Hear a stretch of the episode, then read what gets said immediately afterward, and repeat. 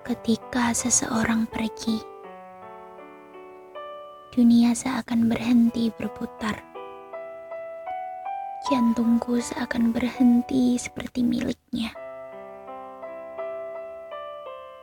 Kala itu, sepulang dari Bandung menuju Jogja, di dalam ambulan yang lumayan sesak, kau berbaring di pangkuanku alat bantu pernafasan, infus, dan kateter tertancap di tubuh. Menyokong agar kau tetap hidup dan bernafas. Aku membawamu pulang karena mereka perantara penyembuhmu sudah angkat tangan. Mereka menyerah. Walau begitu, aku sedikit bersyukur saat itu. Karena aku berpikir, aku bisa merawatmu di rumah masa kecilmu.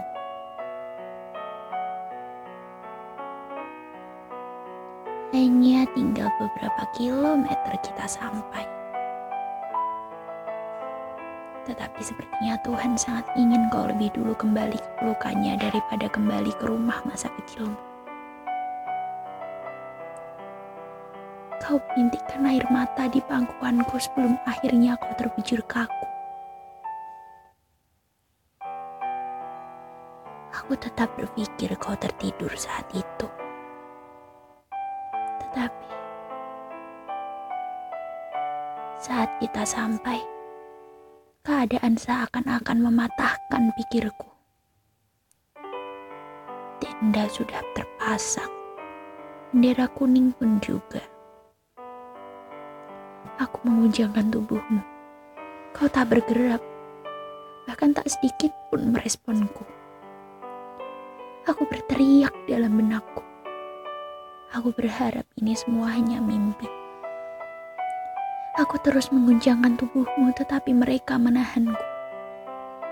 Menahan agar aku berhenti dan menyadarkanku bahwa kau telah benar-benar pergi. Jantungku ikut berhenti. Tulang-tulang di tubuhku sirna seketika. Aku terjatuh di tanah.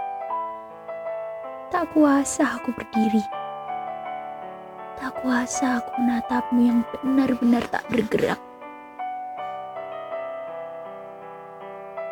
Memang benar.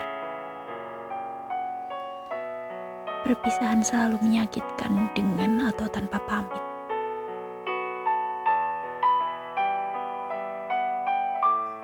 Aku kirim doa untukmu, malaikat kecilku. Al-Fatihah.